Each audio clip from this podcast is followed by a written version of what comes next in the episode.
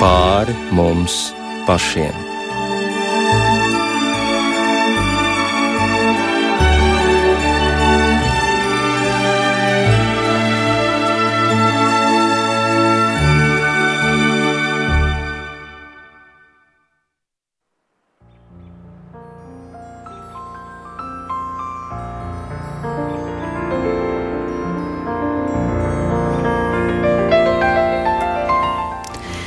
Esiet sveicināti raidījumā pāri mums pašiem, lai ir slavēts Jēzus Kristus. Studijā Inte Zēgnere par skanējumu rūpējas Katrīna Bramberga. Un, kā jau daudzi mūsu klausītāji atceras, maija pēdējā svētdienā mēs uzsākām sarunu par dvēseli, kur tā atrodas, ko tā jūt, kādi ir tās eksistences posmi, kas notiek ar dvēseli tad, kad mēs šo pasauli atstājam, un vēl daudziem citiem jautājumiem, Tai skaitā arī jautājumiem, ko mēs ceram sagaidīt no jums pēc pusdienas vakarā pa tālruni 6722, 559, un spriežot pēc jūsu reakcijas, interese bija liela un cerams, ka tos jautājumus, ko jūs nepaguvāt, uzdot iepriekš, šodien mēs vēl varēsim risināt un uz tiem atbildēt. Un šovakar mēs pievērsīsimies pareizticīgās baznīcas skatījumam uz dvēseli ko par to ir sacījuši kopš senatnes baznīcas tēvi, kāda ir baznīcas pieredze, jā, un arī kādi ir līdzekļi, lai kaut ko mainītu dvēseles dzīvē. Un mūsu attālinātie viesi šovakar ir Rīgas debesu braukšanas baznīcas virspriesteris tēvs Jānis Dravans. Labvakar! Labvakar! Un Latvijas Kristīgās akadēmijas rektore profesora Skaidrīta Gūtmane. Labvakar! Labvakar! Prieks jūs dzirdēt, kaut arī attālināti, un tomēr vismaz balsis skan labi. Sākšu uzreiz ar pamatu jautājumu. Vārdu dvēseli mēs lietojam ļoti bieži, bet tēvi Jāni, kā jūs raksturotu, kas tad īsti ir cilvēka dvēsele un kur tā atrodas? Jā, cilvēks uh, izrādās ir sarežģīta būtne. Dieva kunga radīts, radīts pēc dieva tēla un līdzības, un kā mēs to darām redzam Dieva atklāsmē, svētajos rakstos, jau pirmajā mūža grāmatā, otrajā nodaļā, tātad otrajā toledotā, mēs dzirdam šos vārdus septītajā pantā, un Dievs tas kungs radīja cilvēku no zemes pīšļiem un iedvesa viņa nācijas dzīvības dvašu. Tā cilvēks tapa par dzīvu dvēseli. Tātad Dievs kungs rada cilvēku no zemes un dod viņam dzīvību no sevis, dod šo dievišķo dvašu. Tā kā cilvēks, mēs visi sastāvam no šīm trim tādām pamatdaļām - no miesas, dvēseles un gara.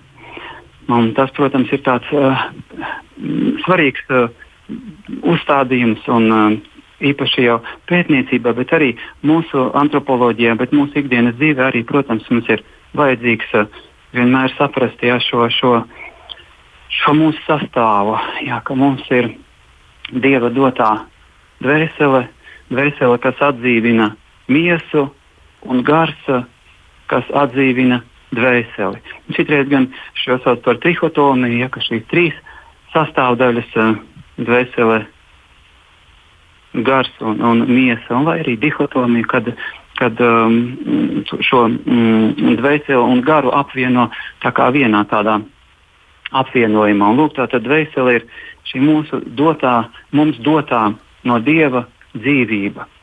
Dzīvība un viņas galvenie rakstura lielumi, tātad nu, pats par sevi tātad viņa ir dzīva, viņa jūta, viņa apzinās, viņa uh, analizē un uh, ir spējīga darboties. Tātad šī apziņa un uh, spēja darboties un brīvības spēja virzīties, izvēlēties uh, kādu no dzīves virzieniem. Tātad šie pamata virzieni dvēselē ir un, un garam ir labais un ļaunais, uh, patiesais un nepatiesais. Un lūk, starp, šā, starp šīm kategorijām mēs uh, atrodamies un šie procesi, vai tas notiek apzināti vai ne pārāk apzināti, pastāvīgi, uh, tad norisinās katrā cilvēkā šis uh, labais un ļaunais, patiesais, nepatiesais un mūsu izvēle uh, starp uh, starp šiem starp mūsu esības tādiem lielumiem. Un uh, par, nu, par to atrašanās vietu, jā, kad vēseles atrašanās vieta, kā mēs zinām, tā ir tā mūsu, mūsu cilvēkam vidū, jā, cilvēka sirdī, šī dvēseles atrašanās vieta. Un arī tāpatās arī par garu runājot, sirds apziņa, tātad dvēseles apziņa, dvēseles ap, atdzīvinātājs gars atrodas mūsu iekšienē, pašā mūsu nu, teikt, dzīvības centrā, kur notiek šie mm, garīgās dzīves procesi. Bet kāpēc ir tomēr arī tāds skaidrojums, ka dvēsele ir asinīs un ka tieši tur ir dzīvība, vai tas ir bibliski, vai tas ir kāds savādāks traktējums? Nu, jā, nu šis moments ir arī Bībelē pie, pieminēts, jā, kad asinīs ir dvēsele, jā, bet nu, sirds jau ir šīs asins rites. Uh, galvenais orgāns. Ja, tātad, protams, dvēsele atdzīvina visu, dod uh, kā jau, kā jau minēju, dod dzīvību visai cilvēka miesai, bet nu, ir šī, šī, šī centrālā vieta. Jā, šī. Tātad vēsele ir dieva radīta, un viņa ir, viņa ir sākums, šis radīšanas brīdis, un tas mums ir pats tāds svarīgākais un skaistākais, ka mūsu dvēseles ir nemirstīga. Tātad viņai ir bezgalīga vērtība un um, bezgalīgs uh, esības uh, šis šī iespēja. Jā, bet vai tādā gadījumā varētu sacīt, ka starp vārdu dvēsele un es pats, manas rakstura īpašības, manas nezinu, kaislības, jūtas, emocijas, domas, tas viss ir aptverams šajā vārdā dvēsele. Un vienkārši nu, tā, tas ķermenis, tas ir tā tāds skafandrs, kas mums ir iedots, kur tai dvēselē dzīvot nu, konkrētu laika posmu, vai tas būtu primitīvs skaidrojums? Skaidrīte, varbūt jūs varētu turpināt. Es domāju, ka tas ir ļoti dziļš jautājums. Es saprotu dvēseli caur atslēgas vārdu dodiet. Jo man ļoti patīk viena vieta evanģēlijā, kur uh, Jēzus sarunājas ar farizējiem, kuri, protams, ir visi sapulcējušies un grib viņu noķert kaut kādā kļūdā, uh, attiecībā uz to, kas ir jādod cilvēkam šajā pasaulē. Un kā jūs zināt, šajā pasaulē nauda visiem ir ļoti svarīga. Un farizēji, tāpat kā šodienas materiālajā pasaulē, grib noskaidrot, nu kā ir, vai tad tiešām mēs ar dvēseli dzīvosim, vai tad mēs arī patiksim ķeizaram ar dvēseli. Un man šī saruna, kur Jēzus sarunājās par pareizēju un atslēgas vārds dodiet. Nu, ko jūs dosiet ķēzaram? Un, eh, vai ir jādod nodokļi, ir jāmaksā vai nav jāmaksā? Un tas ir šodienas jautājums. Un Jēzus ir tik gudri pasakā, ka pareizai viņu nevar apsūdzēt. Viņš saka, dodiet ķēzaram, kas ķēzaram pieder, un dievam, kas dievam pieder. Lūk, cilvēka dvēsele pieder dievam, un uz cilvēka dvēseles dievs ir uzlicis savu tēlu, savu ikonu. ikonu. Un katra cilvēka dvēsele ir apzīmogota ar dieva tēlu. Tāpat kā uz katras kapeikas, uz katras monētas, uz katra denārija ir uh, uzlikts ķeizara tēls. Un tad no Jēzus saka, nu, dodiet ķeizaram tās kapeikas, bet neaizmirstiet, ka dvēsele pieder Dievam, un Dievs ir apzīmojis jūsu dvēseli ar savu zīmogu, ar savu tēlu. Un man ļoti patīk, ka ir tādi seni skaisti teicieni, piemēram, atdod sirdi sievietei, dvēseli dievam, godu nevienam. Nu, tāds vīriešu lozungs. Un tāpēc šis atslēgas vārds dodiet pasaka ļoti daudz par to, ka mēs varam šobrīd padomāt, jā, ko tad mēs kuram dodam. Un, ja mums visu laiku ir rūpes par to ķēzaru, tad kur tā loģika ir? Kur mūsu prāts ir pazudis? Un lūk, jūs šeit skaisti iesākāt sarunu par to, ka dvēsele ir asinīs un sirds ir asins jau centrs, tas kas galvenais, kur jau tās asins viss cauri plūst, un dvēsele ir visā mūsu ķermenī. Viņa ir tā, kas mūs dara dzīvus un reizē arī kas apgaismo mūsu prātu.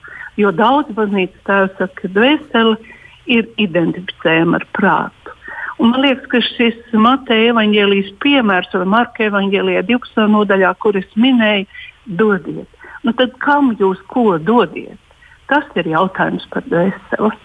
Jā, bet kā mēs varam noskaidrot savu dvēseles stāvokli? Nu, vai tas būtu gluži tas pats, kas emocijas? Nu, ja es esmu skumja, tad es varu sacīt, ka ir noskumusi mana dvēsele. Vai arī, kā psalmos saka, tā ir nemiera pilna manī, kāpēc tu esi nemiera pilna manī dvēsele?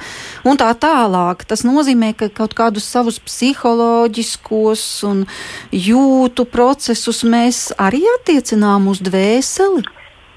Redz, šeit man liekas, atslēga dod grieķu vārds psihē. Jo dvēsele grieķiski psihē un tulkojumā nozīmē taurenis. Un, ja jūs iedomājaties, kā taurenis uzvedās, ja, tā uzvedās arī cilvēks dvēsele. Ļoti sarežģīti izstāstām parādība ir taurenīts, jo viņš visu laiku atrodas kustībā. Un viņš visu laiku nemierā. Un tu nevari saprast, kur viņš grib atkal aizkustēties. Un tāpēc jau vecajā derībā tas ebreju vārds nefeš, dvēsele, ar šo vārdu apzīmē visu dzīvo. Veids, tas ir veids, kā izpaužas mūsu dzīvība. Cilvēkā arī tāpat kā jebkurā dzīvā radībā. Un tāpēc cilvēks ir ārkārtīgi unikāla, emocionāla, gribas, intelekta būtne. Un, uh, un mēs runājam par to, ka uh, jūs labi minējāt to, ka dvēsele izpauž sevi ar ķermeņa palīdzību. Un, tomēr mums jāsaka tā, ka, ka pirmā nozīmē dzīvība, gan mūsu emocijas, griba, intelekts, viss parādās tādā nozīmē, ka mēs gribam, mēs atrodamies visu laiku kustībā un ceļā un cilvēkam nav dota spēja izprast sevi. Jo tāpēc, ka nu, man ļoti patīk, kā eksistenciālisma filozofija un, un vispār filozofija, un arī jau pats evaņģēlijs atklāja tālāk, ka dvēsele ir tik dziļa, ka cilvēkam nav dota iespēja pašam savu dvēseli izprast. Un kur nu vēl otra cilvēka dvēsele vai sveša cilvēka dvēsele? Un tas, ko ar jūtām, ar vārdiem, ar rīcību, ar, ar mēs izpaužam, tas ir ļoti, ļoti maz. Un kāds no Lekam Brodskis bija teicis, pat par savu tēvu un māti mēs zinām, nezinām, mēs, mēs sakām, mēs zinām, mēs pazīstam, bet viņš raksta, mēs nezinām itin neko. Lūk, kāpēc nezinām itin neko? Tāpēc, ka emocijas visu laiku kustās, intelekts kustās, griba kustās. Un kopš mūsu ieņemšanas ir pagājuši bez mums, tēvam, mātei, 3, 5, 7, 15, 25 gadi. Un tad, kad es jau parādos, mans tēvs un mana māte mani ir jau noslēpums. Un mēs sakām, mēs pazīstam to cilvēku, bet mēs nepazīstam. Mēs varam iepazīt otru cilvēku tikai caur Kunga Kristus lūgšanu. Mēs varam tad ieraudzīt viņu dziļāk. Jā, par to sevis pazīšanu un arī citu cilvēku pazīšanu. Man ir jautājums tēvam Jānim, bet kā tad mēs varam sevi iepazīt, tiešām nu, saprast, saprast, kas notiek ar mūsu dvēseli un kas tur dziļumos vispār mājo? Jo, laikam, Andrija Farels bija teicis, ka mēs pārsvarā dzīvojam savas dvēseles priekšpilsētā. Hmm. Jā, šis, šis um, lielais uh, uzstādījums, lielā patiesība, ka um, cilvēka dvēsele ir kā bezdibenis, ka pats uh, dvēseles, uh, kā mēs sauksim sevi attiecībā pret dvēseli, īpašnieks nevaram teikt. Lietotājs arī nevar būt atbildīgais. Jā, lietotājs. Kopā, viss kopā, ja nevaram vienā, vienā vārdā pat pateikt, kas mēs esam savai dvēselē, bet mēs par viņu esam atbildīgi. Un, tātad um, viņa ir kā, kā, kā, kā bezdibenis un, un kā dārgumu krātume. Un tajā pašā laikā uh, atcer, nedrīkst šeit aizmirst to lielo kosmisko vispasaules katastrofu, ja, kad cilvēks būdams radīts pēc dieva un tēla, dieva tēla un līdzības, un ielikt šajā brīnumainajā labajā vietā, šajā paradīzes vietā, kur Dievs kungs ir blakām un tuvu, kur viņš ar viņu satiek, kur cilvēks ar Dievu runā un satiekās, un viņš tur saņem šo bausli, kopt un sargāt paradīzes dārzu, un šis ir bauslis attiecināms arī uz dvēseli. Mēs esam savas uh, dvēseles kopēji un sargātāji, izzinātāji to starp. Bet uh, šī mūsu realitāte at, atšķirās jau no tās paradīzes realitātes, no pirmajām lapas pusēm, jo ir notiek šī garīgā ienaidnieka, kurš pats jau ir atkāpies no dieva iepriekš, viņš kārdina cilvēku un nu, piepilda šo kārdinājumu. Un cilvēks arī grib pats bez dieva būt kā dievs, Un tad sanāk tas, kas sanāk. Tad sanāk tas, kas esam mēs, ka mēs Dievu kungu skaidri vairs neredzam, mēs ar viņu nevaram runāt tā, kā mēs runājam ar sarunu biedru. Mēs nonākam šajā zemes realitātē, kur ir ciešanas, bēdas, nezināšana, um, priekšā stāv miesīgā nāve un vēl noslēpums, kas tad tālāk notiks ar mums, kuru mēs varam zināt, bet varam arī nezināt, ja neesam ieskatījušies svētajos rakstos. Tātad šo te kopt un sargāt mūsu realitātei, kad dvēselē ienācis ir um, grēks, pretošanās Dievam kungam, Dieva kunga mīlestībai, Dieva kunga uh, patiesībai, dvēsele ir sabojāta. Mūsu dvēselē ir ienācis, ienākusi pretestība labajam, patiesajam, svētajam, īstajam, un lūk, tur ir šis uh, vesels liels sastāvs ar šo nepareizo, um, ļauno um, pretešķību dievam, kungam. Nu, lūk, mums ir, mūsu uzdevums ir tikt galā ar zināmā mērā, ne jau pilnīgā mērā izzinot, uh, izzinot tur. Um, pašas dvēseles dziļumus un būtību, bet uz to arī tiekam aicināti. Un mēs redzam, ka tēvi askaiti nodarbojās ar to un šajos gadu desmitos nepārtrauktas lūkšanas, pazemības un grēku nožēlas un atturības darbā, paklausības darbā un visu pārējo labo tikumu kopšanas darbā viņi iemanto šo savas uh, dvēs, iepazīst savu dvēseli un izskauž uh, ar Kristus Dieva palīdzību izskauž no tās uh, maksimāli visu nepareizo, ļauno to, kas ir pienācis pēc tam grēks, kā, kā pretestība patiesajam labajam, ienāk pēc tam un no viņa ir jātiek vaļā. Mēs ļoti lielā mērā varam tikt no tā vaļā, un arī mums, kristiešiem un vispār katram cilvēkam, kurš uh, tiecās pēc uh, patiesības un cilvēcīguma, kaut, kaut vai pēc cilvēcīguma šajā zemes dzīvošanas laikā, šis darbs ir jāveic un ir veicams zināmā mērā. Un cik mēs to uzņemsimies un gribēsim, nu, tik mēs to uh, varam veikt. Jā, bet to pašu paturpinot, bet tomēr nu, kā mēs varam noskaidrot to patiesību par sevi? Nu, galu galā es varu domāt, ka es esmu ļoti labs cilvēks, un kāpēc es tā nedomātu? Bet kas tur notiek dvēseles dzīvēs? Nu, labi, ir teikts evanģēlijā, ka Dievs zināja, kas ir cilvēkā. Viņam nevajadzēja, lai kāds dod liecību par cilvēku. Bet mēs kā varam uzzināt? Mēs jau varam arī ļoti pievilties savās domās, un varbūt mēs domājam, ka mēs staigājam ar ļoti tīrām dvēselēm. Bet īstenībā izrādās, ka vienkārši nav bijis nekādu pārbaudījumu īpašu, lai atklātos nu, tās neglītākās īpašības. Kā to uzzināt, kas mūsos dzīvo? Skaidrīt, varētu paturpināt. Es varētu daudz teikt, bet es teikšu tādu vienu pilnīgi privātu piemēru. Es pa nakti guļu pie pilnīgi atvērta loga. No rīta es mostos no putnu dziesmām vai tā loga. Un katru rītu putniņš nolaižas grozu galviņu un it kā aicina pievērst man savu uzmanību. Viņš saka, es katru rītu sveicinu saulētu ar ar, ar, ar kopīgu lūgšanu mēs visi dziedam Dievam, kas ir radījis sauli. Bez notīm un bez diriģenta, bet redz, tu pamosties no mūsu goddevības pret Dievu un no visas sirds mēs dziedam. Un kaut, ar, kaut arī mūsu galviņās nav nekādu lielu domu, bet mēs šo saprotam, ka Dievu vajag godāt un, un slavēt, un tam vajag atrast laiku ar dziesmu, un tu kāpēc tu nedziedi man it kā viņš saka. Un to pašu dara ziedi, un tagad visi, visas puķes to dara. Un naktī, kad es pieeju pie loga un skatos zvaigznēs, Un tās arī man saka, ka mēs esam kā tāds eļļas lampiņas dievnamā, un mēs mirdzam, un mēs dzirdam jūsu lūgšanu. Un, un, un cilvēks, kas ir dieva radīts, un īstenībā, kad es atgriežos savā gultā, man arī gulta saka, cilvēks man ir radījis, un es cilvēkam kalpoju ar prieku.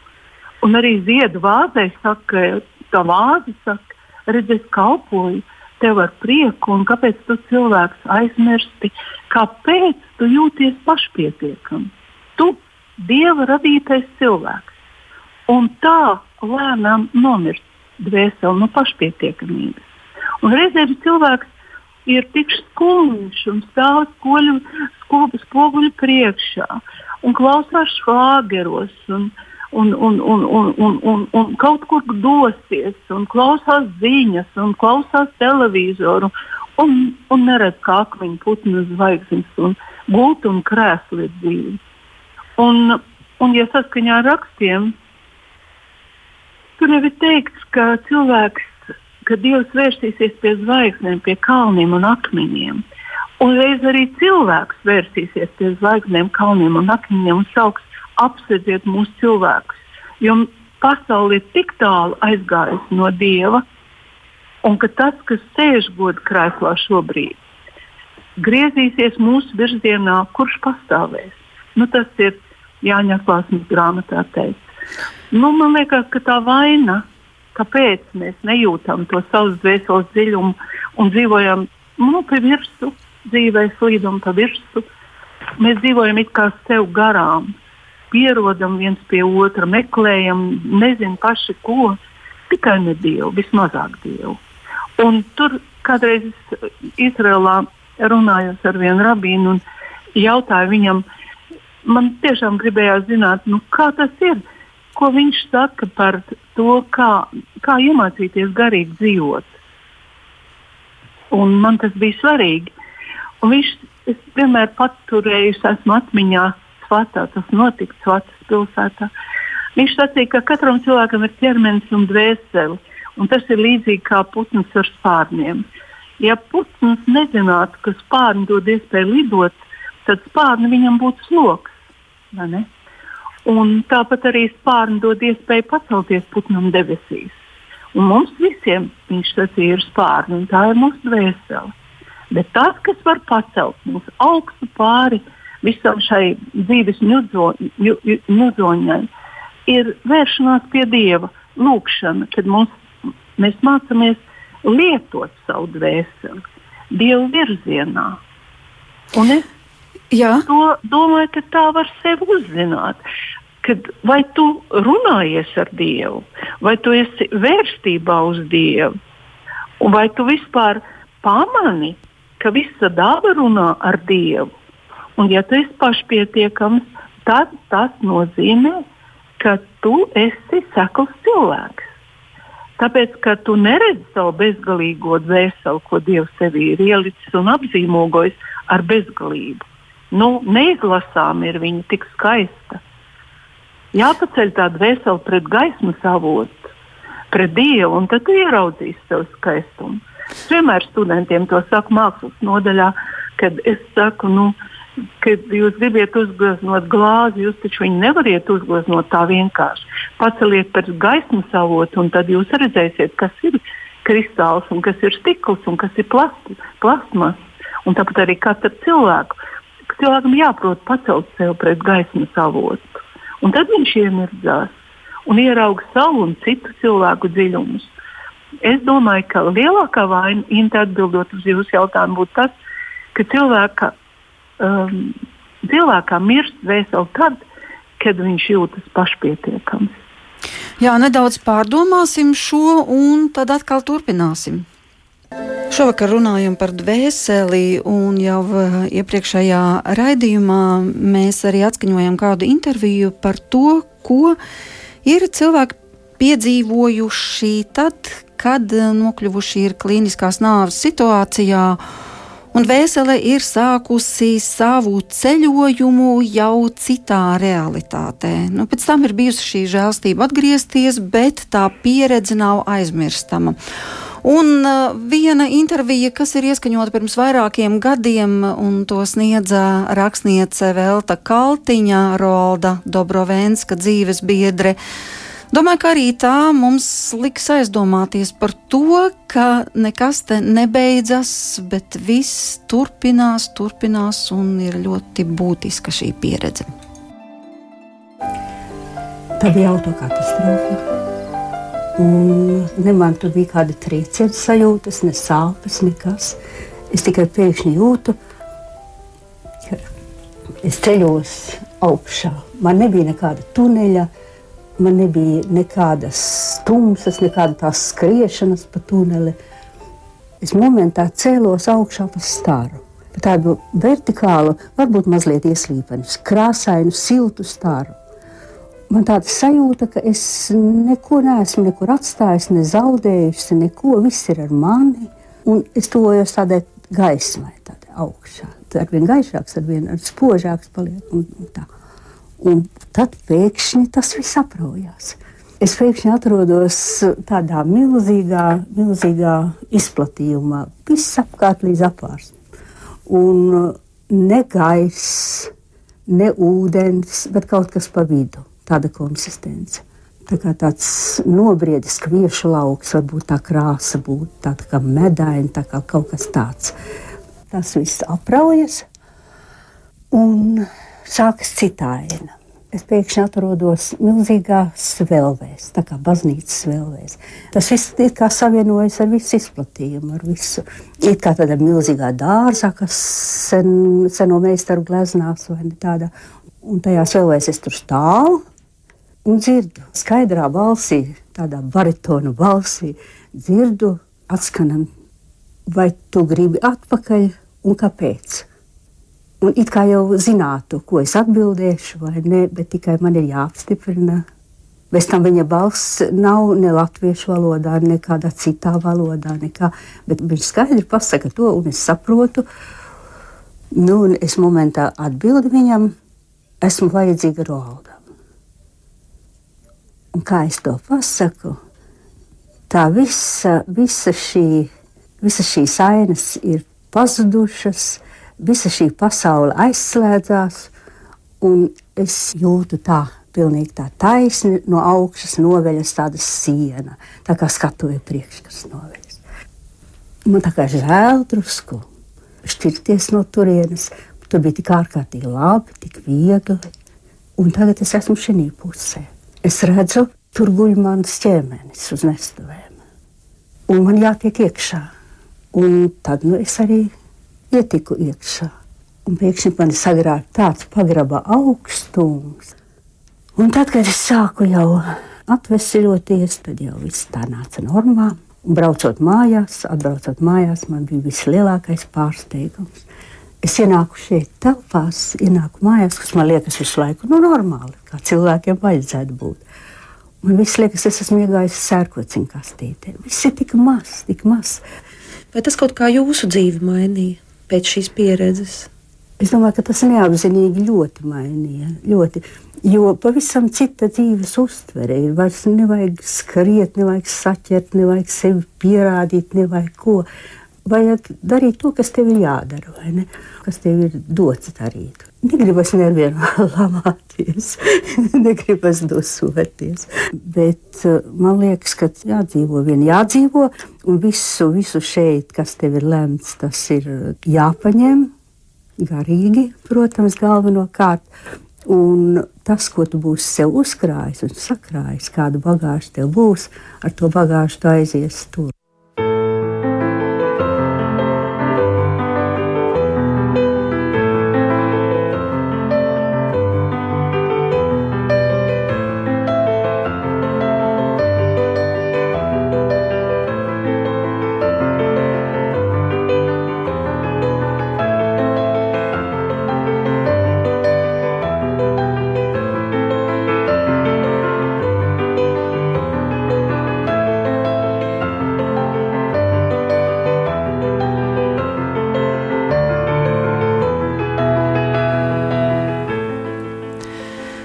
Bija rakstnieces Veltas Kaltiņas pieredze, un es lūkšu jūs komentēt tēvu Jāni. Varbūt. Es domāju, ka noteikti tas nav vienīgais gadījums, kuru jūs esat savā garīdznieka kalpošanā dzirdējis. Nu, jāsaka, jau, ka jā, šis nav vienīgais gadījums, un tādi gadījumi ir, bet no otras puses šie gadījumi ir reti un tie ir izņēmumu gadījumi, jo mm, Dievs tā mums ir devis, ka mēs dzīvojam savu zemes dzīvi un tad aizējam, aizējam kunga priekšā sniegt uh, atbildi. Tas ir viens no svarīgākajiem mūsu dzīves tādiem nu, vadmotīviem, uzstādījumiem, kā mums jādzīvo tā šodien un tagad un rīt, lai mēs varētu stāties labā Dieva kunga priekšā, kurš, kur, kur, kur, kurš redz redz to dvēseles un gara, um, gara būtību. Nu, tad jau parasti šis, šī aiziešana tā arī notiek. Bet, nu, redziet, Dievs pieļauj kādreiz, kad cilvēks atgriežas, atgriežas no, šī, no šī aiziešanas ceļa. Bet uh, šis īsais aiziešanas ceļš, cik cilvēks ir aizgājis, viņš ir nu, vairāk kā atgādin, atgādinājums mums, ka priekšā ir mūžība un pārsvarā jau nu, tādai cilvēku neticībai tas ir atgādinājums. Ticīgam cilvēkam, uh, Kristum Dievam, ticīgam cilvēkam jau š, tas pat nav daudz vajadzīgs. Ja? Jo mēs zinām, ka mūsu atbildība ir liela, un šī atbilde būs jāsniedz, un mums būs jāiet šis pārbaudes uh, ceļš kunga priekšā. Un šie fragmentiņi, kad veseli uz laiku aiziet. Uh, Uh, viņi, nu, tas ir tikai ilustratīvs, uh, ilustratīvs tāds, mm, notikums. Un tas jau vēl nebūtu nenozīmē, ka ataino visu to būtību, kas tur notiks ar dvēseli. Ja mēs zinām, ka dvēselē priekšā ir šī tiesa, šī pārbaude, kunga priekšā, kurš izzina mūsu dvēseles dziļumus, un tad attiecīgi tai atbilstībai vai neatbilstībai, tad nu, mēs arī nu, dvēseli iemanto savu vietu atbilstīgi savam garīgajam saturam. Un tas ir īpaša dieva žēlastības izpausme, kad kādu īpašu iemeslu dēļ mm, Dievs sūta dot cilvēkam atgriezties zemes dzīvē. Un tas nozīmē jau tikai vienu - atgriezties grēku nožēlai, atgriezties uh, pienācīgi, sagatavoties mūžībai, izlabot, izdarīt uh, iz, izkopt un, un izveidot to labo tikumu, kurš nav bijis pienācīgā mērā, un atbrīvoties no tiem netikumiem un, un grēkiem, nožēlot, apraudāt un izdarīt ko labu pret tiem, nu, lai, lai kļūtu atbildī, atbilstoši tai labajai daļai, labās rokas daļai, kunga priekšā, mūžīgai svētlaimei un mūžīgai laimei kurai tad arī cilvēks ir sagatavots šajā mūsu realitātē dvēsele aiziet pa priekšu, miesa ies pēc tam. Miesa aiziet tātad zemē, bet arī viņa noteiktā laikā, kunga noteiktajā laikā tiks augšām celta un cilvēks arī tur mūžībā būs pilnīgs cilvēks ar dvēseli un miesu, ja varam teikt arī ar garu dvēseli un miesu. Tā ka šie pedagoģiskie momenti un ar, ar, ar svarīgumu šo saturu katram individam, ar kuru tas notiek, un pārējiem, kā, pārējiem kā liecība. Nu, tas vairāk ir tāds, jā, arī tiem pārējiem kā liecība, nu, tāds pret ateisma uh, arguments. Tātad, lai neiedomātos cilvēks, ka var noliegt dievu, garu, dvēseli un mūžīgo dzīvību, kā to jau mēs redzam pie uh, saduķējiem jau toreiz Kristus pestītāja uh, zemes dzīves laikā. Jā, bet tomēr kāpēc ir svarīgas šīs attiecīgās dienas? Pareizticība īpaši akcentē šo trešo un devīto dienu un tad četrdesmito dienu. Skaidrīta varbūt var paturpināt, vai arī tad jūs. es gribētu, ziniet, kā es varbūt par tām dienām nemaz negribētu šodien teikt, jo tas mazliet cilvēks sa satrauc, bet šī pieredze, kuru mēs nu pat dzirdējām, ir ārkārtīgi sena. Un es piekrītu tēvam Jānim, ka viņa ir reta, bet par viņu ir rakstījis gan Dante, gan Bosks ir, Bosks ir gleznojis, un arī ārsts Mūdīs, kā mēs zinām, un droši vien esmu rakstījis to grāmatu, ir aprakstījis šo te dvēseles ceļu pēc nāves. Bet es tomēr visiem šiem stāstiem es redzu cauri pilnīgi kaut ko citu, ka mēs cilvēki Mums ir grūti apzināties to, cik bezgalīgi dzīvi un, un cik mēs no Dieva esam radījuši, radīti vienreizēji. Jo galvenais, ko baznīcas tēvi ļoti uzsver, ka dvēsele, um, dvēseles veselība, dzīvība ir saistīta ar domām. Un, uh, mēs redzējām, ka uh, rakstniece pēc tam, mēs redzējām, ka viņa izstāstīja tās izpausmes, kad veseli grib, viņa vēlās un viņa arī vainās. Un ka viņa pavisam savādāk domā par savu dzīvi. Un es vienmēr atceros, kad par dvēseli es domāju pravieša Ecēlu 37. nodaļu, ka pat domas ir dvēseles kauli, tur mēs to varam izlasīt. Visu, ko mēs runājam, visu, ko mēs darām dzīvē, viss piepildās. Un cilvēks ir dzīves ne tikai garā dzīves, bet visa miesa, visi kauliņi ir dzīvi. Un tad, kad es uh, strādāju Izrēlā daudzus gadus arheoloģiskajos izrakumos, es redzēju, kā ebreji izturās pret mazāko kauliņu, ko tu izroci 2 metru, 3 metru dziļumā svētajā zemē.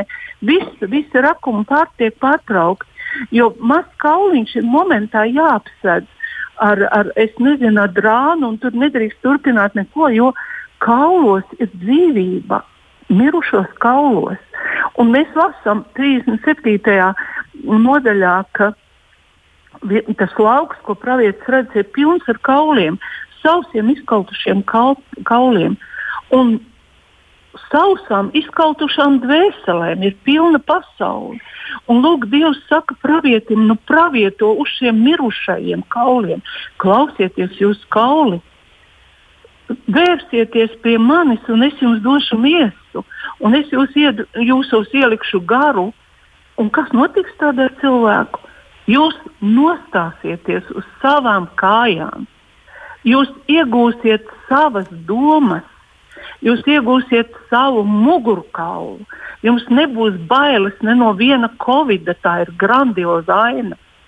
Un viss 51. psalms runā par to, ka cilvēks ir tik bezgala dzīves, vismazākais kaulīgs pēc nāves glabāt tā cilvēka DNS un dzīvību.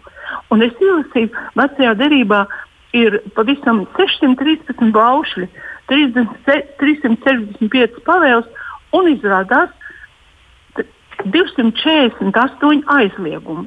Tieši tikpat aizliegumu, cik cilvēku ķermenī kaulu. Kā viņi visu to varēja saskaitīt toreiz, ka nebija nekādas medicīnas atlases? Ķermenis, mūsu ķermenis, kurā ir dvēsele, tas ir vesels kosmos. Jā. Un vienā teikarotītē asiņu ir ir, ir tik daudz brīnumu, vairāk informācijas nekā visās britu encyklopēdijās kopā ņemtās. Un tāpēc ir ārkārtīgi svarīgi, kā mēs domājam par savu dzīvi. Kāds ir mūsu garīgais dzīves skelets? Kā, cik stipra ir mūsu dvēseles kauli? Ja mēs domājam ļaunumu, ja mēs aprunājam citus cilvēkus, ja mēs visu laiku redzam slikto, mūsu kauli ir sapūši. Un tāpat kā kādam cilvēkam sapūši var būt mutē zobi, un tad viņi smird, ka viņš runā. Tāpat arī visa miesa var smirdēt. Un krieviem ir tāds ļoti labs teiciens, bija bija kosti, māsla, jāsa nerastut, nerastut vai kā tur būtu. Ja? Būtu tikai labas domas mums, dvēseles darbi būs pavisam savādāk. Un dvēselē, nu, tā kā tēvs Jānis teica, tas ir tāds retums, ka nu, dvēseli tur aiziet mūžībā. Bet mums ir jāierauga tas dvēseles brīnums un izskats šeit, uz zemes. Nu. Un Jā. jāiemācās domāt. Ja, galvenais ir jāiemācās domāt, pārorientēties, pārorientēties uz tādām tīrām, skaidrām, nu, šodienas skaistajām dzīves domām. Nu, lūk, un un salasīt dzīvē nevis to slikto, bet, dvēseles to nemirstību vērs, vērsošo un uz to, kas uz dzīvību ved. Nu, es tāpēc domāju, ka kā tā Bībele tā saka, ka visa pasaule ir kapsēta. Jā, bet nu, tajā Ecihela grāmatā ir arī tie skaistie vārdi, kad nāc gars no četriem vējiem jā, un jā. tad atdzīvina, atdzīvina jā, to dvēseli. Jā. Bet nu, tomēr par 3. un 9. dienu jūs negribējāt runāt nu, Es tādā varu gadījumā. pateikt. Tādā gadījumā, es para, tādā gadījumā es pajautāšu tēvam Jānim, bet galu galā, kas tad notiek tālāk? Kur tad dvēseli mitinās līdz tam pasaules galam, jeb pastarajai tiesai? Nu, jā, Nu, viņa iet cauri tam ceļam, bet kam, kam viņa iet cauri? Ko, kas notiek tajās 40 dienās? Ko viņa piedzīvo? Jā, dienas jau ir, tās ir zemes dienas, jā, viņi jau tur aizgājuši, kur vairs šīs dienas nav, ir tikai šī saistība vēl ar zemes dienām. Un Tā nu ir um, bijuši šie, šīs atklāsmes uh, ba- baznīcas uh, dzīvē šajos 2000 gados. Nu, Pārsvarā tas attiecās, protams, uz pirmo tūkstošu gadu, jā, ka šis pēc mūsu mērauklas, pēc mūsu zemes dienām, ka lūk, šīs 40 dienas ir tāds uh, īpašs laiks aizgājējam cilvēkam, kurš ir, mēs sakām, nomiris. Uh, Kristīgā um, leksiko, leksikā valodā mēs uh, labi pareizāk būtu teikt aizmidzis.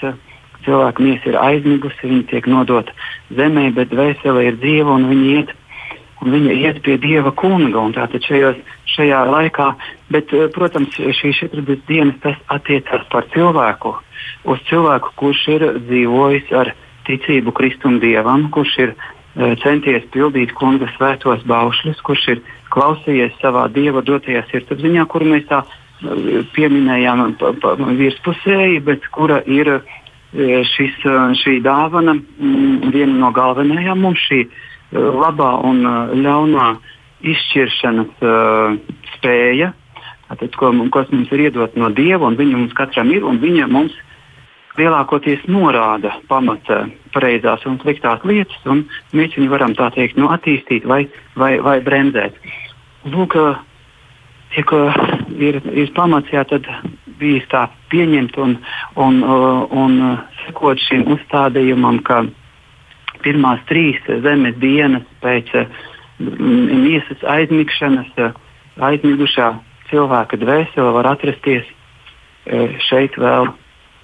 Šeit vēl uz zemes, ap, ap savās vietās, kur viņi, kur viņi ir dzīvojusi. Un, var sakot, šeit ap, ap savu aizmigušo miesu kaut kur un pie tuviniekiem, nu, kaut kur šeit. Jā. Un tad jā, nākošā diena tā ir tā devītā diena, un lūk, no, no, no trešās līdz uh, devītai dienai mm, cilvēka dvēsele, aizmigušā cilvēka dzīvā dvēsele tiek uh, pavadīta paradīzes mājokļi, viņam tiek uh, parādīta un taisno daļa, ko viņi tur ir izcīnījuši un iemantojuši no trīsvienīgā dieva kā dāvanu. Un tad tajās pārējās dienās, jau līdz 40. dienai, viņš cilvēka dvēselē tiek parādīta. Viņš redz, kas notiek tajās vietās, kur, kuras ir izvēlējušies cilvēku dvēseles, cilvēki, kuri ir dzīvojuši nepareizi, pārkāpuši kunga svētos baušļus, pārkāpuši savas sirdsapziņas prasības un nav to labojuši un nav nožēlojuši, tad rāda, kā mēs, nu, bībeliskā valodā runājot, tās elles un no tās grūtās vietas. Un, lūk, 40. dienā pēc mūsu zemes mēra Vēseles stājās uh, Dieva kunga priekšā. Arī šajā 9. dienā jā, viņa arī stājās kunga uh, priekšā, un 40. dienā jau svētās trijādības uh, troņa priekšā. Tur uh, pati, pati sajūta un nolasa un saņem no Dieva kunga to, to ko viņa ir ar savu dzīvošanu, zemes dzīvošanu sagatavojusi. To vietu, eh, kurai viņa pati atbilst pēc sava garīgā satura. Nu, tā īsi. Tas nozīmē, ka taisnība ir tiem svētajiem tēviem, kas saka, ka vēseles dzīve sastāv no trījiem posmiem, bet pats nozīmīgākais posms un pats īsākais tas ir šeit, kur viņa vai nu uzkrāja kapitālu sev, kaut ko izdara, vai arī neizdara. Jā, tas vai, ir tāds ļoti, ļoti svarīgs uzstādījums, un mums arī, protams, nelīdz galam saprotams, kā tas tā. bet nu, kā, kā cilvēks uh, tikai dvēsele, gars miesā, šeit dzīvojot zemes dzīvē no dieva aizgājušais cilvēks, lūk, viņam šajā, šajā zemes dzīves periodā ir uh, jāveic šīs kopšanas, sargāšanas, izzināšanas. Uh, darbs un jāiegūst labais auglis, šī dievlīdzība, jātīra jā, šī, šī ķēniņa, ķēniņa šis zīmoks, jātīra un jāiegūst, un ko būsim ieguvuši, tas arī to, ar to dzīvosim mūžībā. Ja tur vairs aizejot, šķiroties dvēselē, tā māca šī bībeliskā atklāsme un, un, un jaunās derības baznīcas mācība un tradīcija, ka nevar vairs cilvēks dvēsele aiz, aizgājis no miesas, nespēja pienest grā, tādu auglīgu grēku nožēlu. Ie, iemanto kā, kā, kā ar, savu, ar savu algu, ar savu ieguvumu nāk, un tā kā kaut kādā mērā paliek tāda kā statiska šī ziņā. Jā, tāds Jā. liels noslēpums. Prātam, prātam līdz galam nesaprotam. Vēl viens jautājums, ko vēl varam pagūt. Ļoti ātri skrien laiks. Eh, ko jūs domājat skaidrīt par pravieša Ezdras trešo grāmatu? Tā ir tā grāmata, kur Ezdra tomēr neatlaidīgi tieši šo jautājumu uzdod eh, Dievam, kas notiek ar vēselēm, un tad viņš arī saņem atbildi par to, ka vēsele dodas pa, septiņā, pa septiņiem ceļiem, un ko viņa redz šajos septiņos ceļos. Tās, kuras centušās tuvoties Dievam, un tās, kurām bija viena alga. Viņš runā par šīm atšķirībām. Kā mēs šos tekstus varam uztvert? Nu, par tām labajām dvēselēm tur ir ļoti skaisti aprakstīti tie septiņi ceļi ko dvēseles tur skata? Ziniet, es esmu ļoti daudz lasījusi, gan šo grāmatu, gan arī nu, vispār Bībeli ir neizlasāms, brīnišķīgs teksts, bezgalīgs teksts. Un, un, un tāpat arī baznīcas tēvs regulāri lasu. Un, un tie ir teksti, kurus nedrīkst interpretēt viennozīmīgi. Lūk, dvēselē būs tie septiņi ceļi, vai arī dvēsele mīt asinīs, dvēsele mīt prātā. Uh, bet, jo lasot baznīcas tēvus un lasot bībeli un, un, un, un, un iepazīstot eksegēs, nu, tādas adekvātas uh, bībeles skaidrošanas metodas, es esmu nākusi pie atziņas, ka uh, mēs varam šādā veidā pieļaut ļoti daudz uh, virspusēju spekulāciju.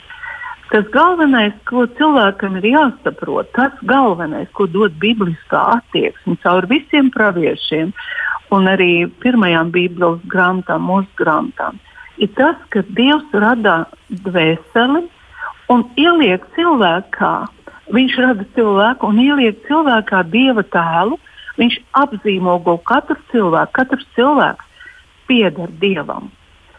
Un viņš apzīmogo un viņš ieliek cilvēkā dievu līdzību. Un otrs, kas tad ir tā dieva līdzība? Tas ir ļoti svar, svarīgs jautājums. Jo dzīvu dvēseli Dievs ieliek arī katrā dzīvniekā. Tas nefešs dzīva dvēsele ir katrā dzīvi, dzīvā radībā, arī zvērā arī čūskā, jebkurā tīģerī un tā tālāk. Bet Dievs dod cilvēkam uzdevumu viņa dzīvē, un to sauc par dievlīdzību. Cilvēku galvenais uzdevums ir iegūt dieva līdzību. Un ņemot vērā vēl to otru svarīgu aspektu, ka pateicoties Ādama mantotajam grēkam, mēs visi gribam justies pašpietiekami un it kā noraidīt Dievu un, at, un aizmirstam par dievlīdzības galveno uzdevumu tieši par to. Un tāpēc mums ir doti tie plus mīnus 80 gadi, lai mēs to dievlīdzību iegūtu. Un tad mūsu dvēselē ir cits nosaukums - nešāmā, oriģināla valodā. Jūs un Jēzus evanģēlijā saka, un jūs neesiet aizmirsuši, ka jūs esat dievi. Un šeit pareizticīgā baznīca ļoti atšķiras no protestantisma, arī no katolisma. Tajā nozīmē, ka um, pareizticīgā baznīca uzsver, protams, arī dvēseles glābšanas svarīgumu, bet visvairāk pareizticīgā baznīca uzsver šo dievlīdzības aspektu. Jums ir jāatgriežas sākotnējā kopībā ar Dievu. Un tad jūsu dvēsele iegūst to dziļo noslēpumu un to bezgalīgo skaistumu un prāta gudrību, ko jūs nekādā veidā nevariet neviens iegūt. Jeb šī jums būtu desmit profesoru nosaukumi un piecas disertācijas aizstāvētas. Tāpēc, ka to gudrību, ko Dievs iedod, ja viņš redz, ka cilvēks iet dievlīdzības ceļu, to tu nevar nopelnīt ne ar, kādi, ne ar kādiem diplomiem, ne ar ko. Tas ir tā tava dvēseles vitrāža sāk mirdzēt, cilvēki to redz, bet pats galvenais, ka Dievs to redz. Un tavs noslēpums to par vien dziļāks, bet tu kā cilvēks savu noslēpumu izpaudi pret Dievu un cilvēkiem kā mīlestību. Un tas ir tas viss galvenākais uzdevums. Jo redz, vienmēr jau ir tā, ka, eh, ka mēs, nu, man patīk bieži citēt Imants Ziedoni. Viņš saka, ka viņš ir dārzus tīrījis, bet tie jau vienmēr aizaug ciet. Ja kaut kur neauza, neaizaug, tad nāciet man un pasakiet. Mūsu dvēseles dārsts aizaug ciet, tāpēc ka mēs nezinām to, ka mūsu dzīves galvenais uzdevums ir iegūt dievu līdzību. Un pēc tā Dievs mūs vērtē mūžībā. Paldies, Skaidrīt, un paldies. Es saku abiem mūsu raidījuma dalībniekiem, priesterim, eh, garīdzniekam, virspriesterim Jānim Dravantam un Kristīgās akadēmijas rektorei Skaidrītai Gūtmanai par šo sarunu. Un skaidrs jau, kas ir jādara. Jāravē tie savi dvēseles dārzi. Paldies, ka šovakar bijām kopā. Jums saka Inte Zēgnere un Katrīna Bramberga pie skaņu pults.